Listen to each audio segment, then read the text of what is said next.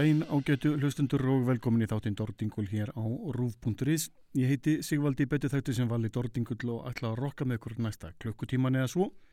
Spila fyrir ykkur þungt rokk og alls konar háaða. Gótt dæmi um það var fyrsta lag þáttarins lagið Nothing But Noise. Tekja glæni reybriðskíðu hljónsveitarinnar Lawnmower Death. En uh, sveitin uh, hefur verið að gera gott með þessari nýju plötu. Uh, örglega þeirra besta skífa frá upphafi.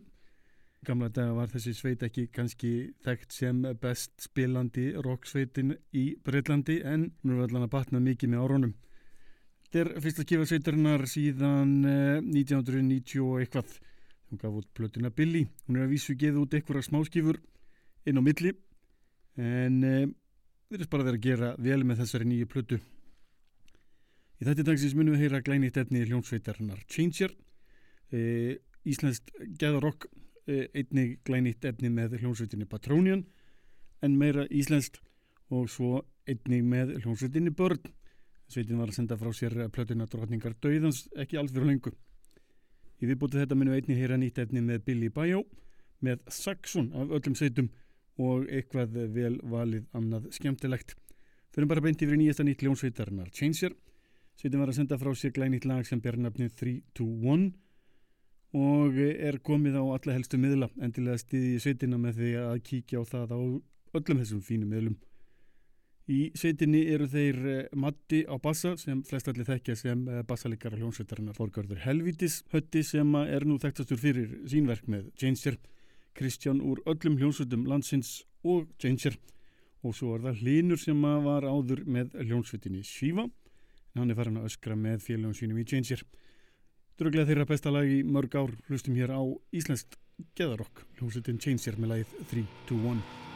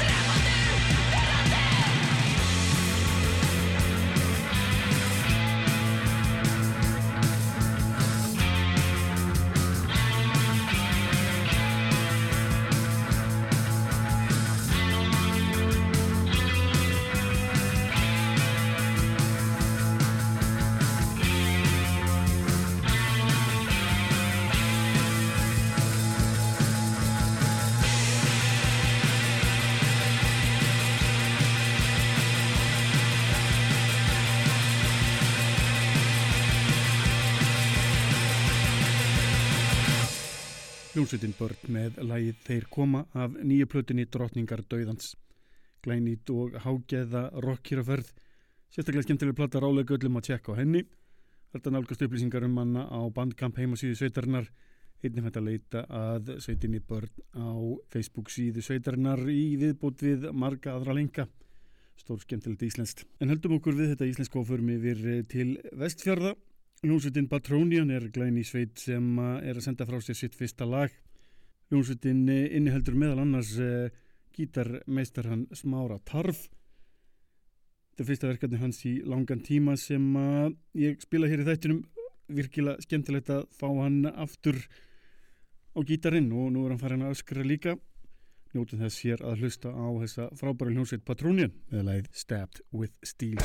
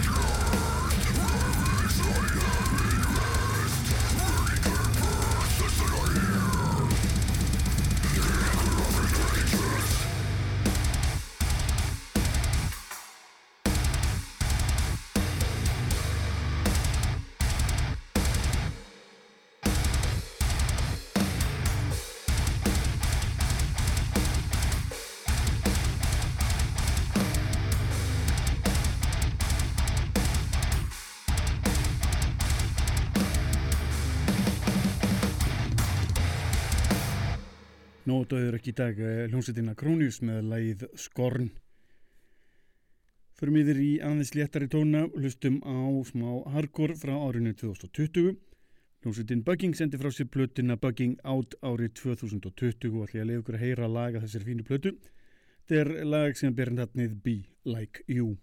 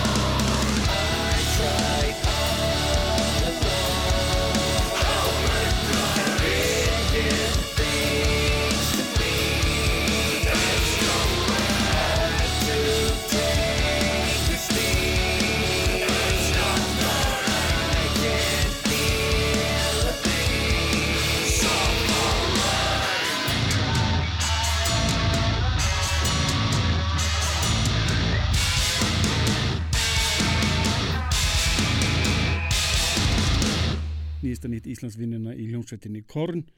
Tyggja glænir í skífu sveitarinnar Requiem sem var gefin út á fyrstu daginn það var leið Hopeless and Beaten. Það eru margir búin að tjá sig um þessi nýju plötu. Oftast er það nú frekar jákvægt þetta skiptið. Ég er búin að hlusta á hana tvisa þrísar núna frá því að hún var gefin út og eh, er á báðum áttum. Þetta er alls ekki slæmplata en það sem vantar er svona hittarrein á milli. Hún er maður sveitin á að tróða einum slíkum á plötuna ég er ekki búin að finna henni ennþá en það gæti vel verð en förum yfir í meira hard rock hljómsveitin Mass Worship sendi frá sér plötuna Portal Tombs ekki alls fyrir lengu glænit etni hér og ferð og hlustum hér á títilægi á þessari nýju plötu hljómsveitin Mass Worship með lægið Portal Tombs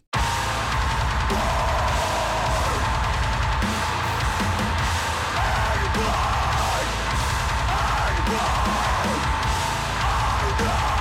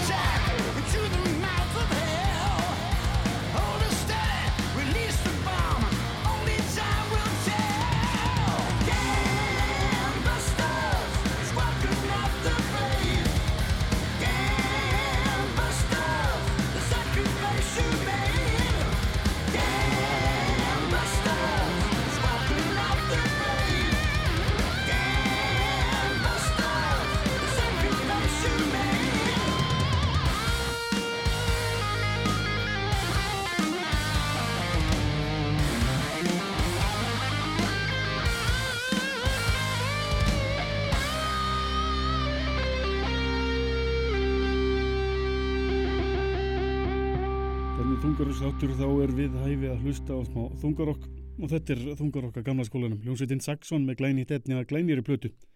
Platan ber nafni Carpe Diem og þetta var lagið Damn Busters. Fyrir miður í eitthvað allt annað hlustum hér á ljónsveitina Venom Prison taka lag af nýju plötunni sinni Eri Boss og eh, þetta lag sem ber nafnið Nemesis.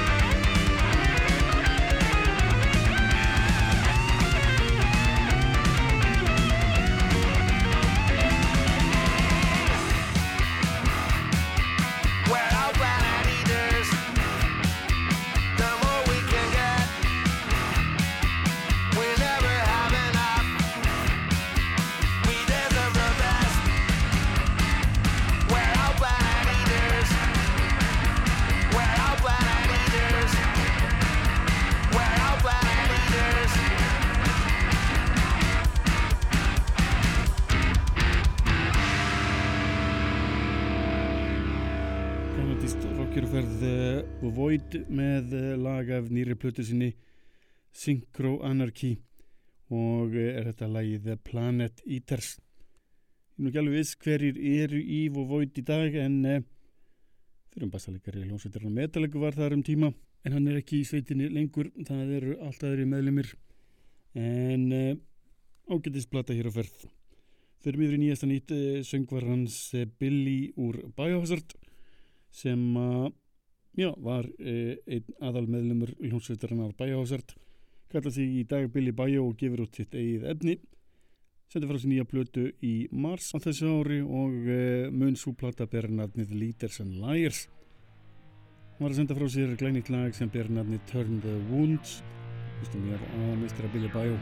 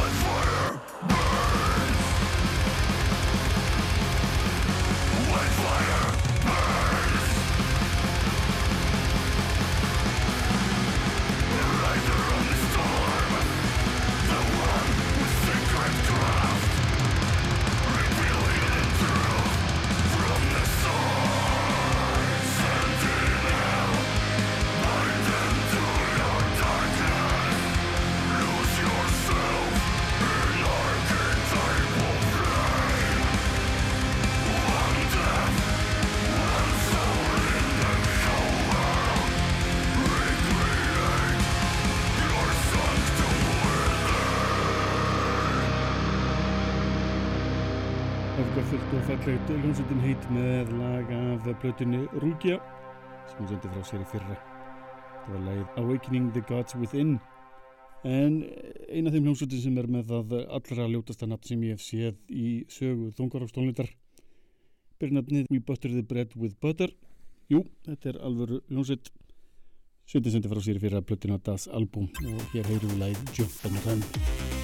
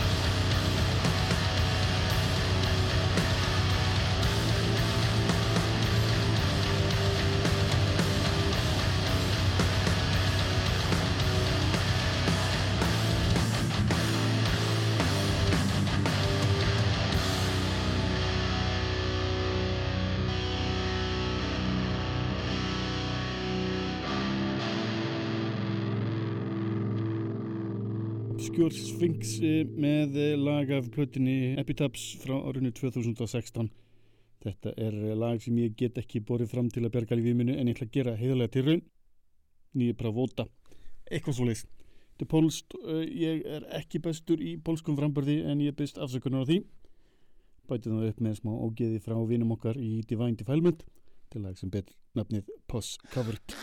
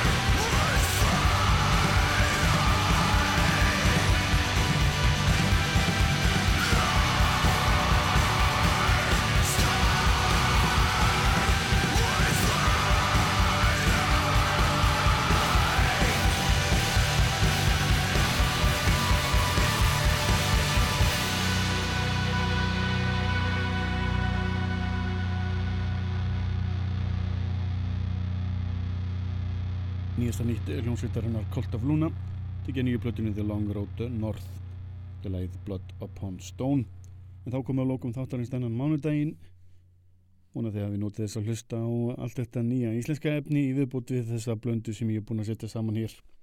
Það enda þetta á rólihautum með Just Tríónu Bolt Thrower. Byrjum að lag af plötunni Warmaster frá 1991 til að What Dwells Within.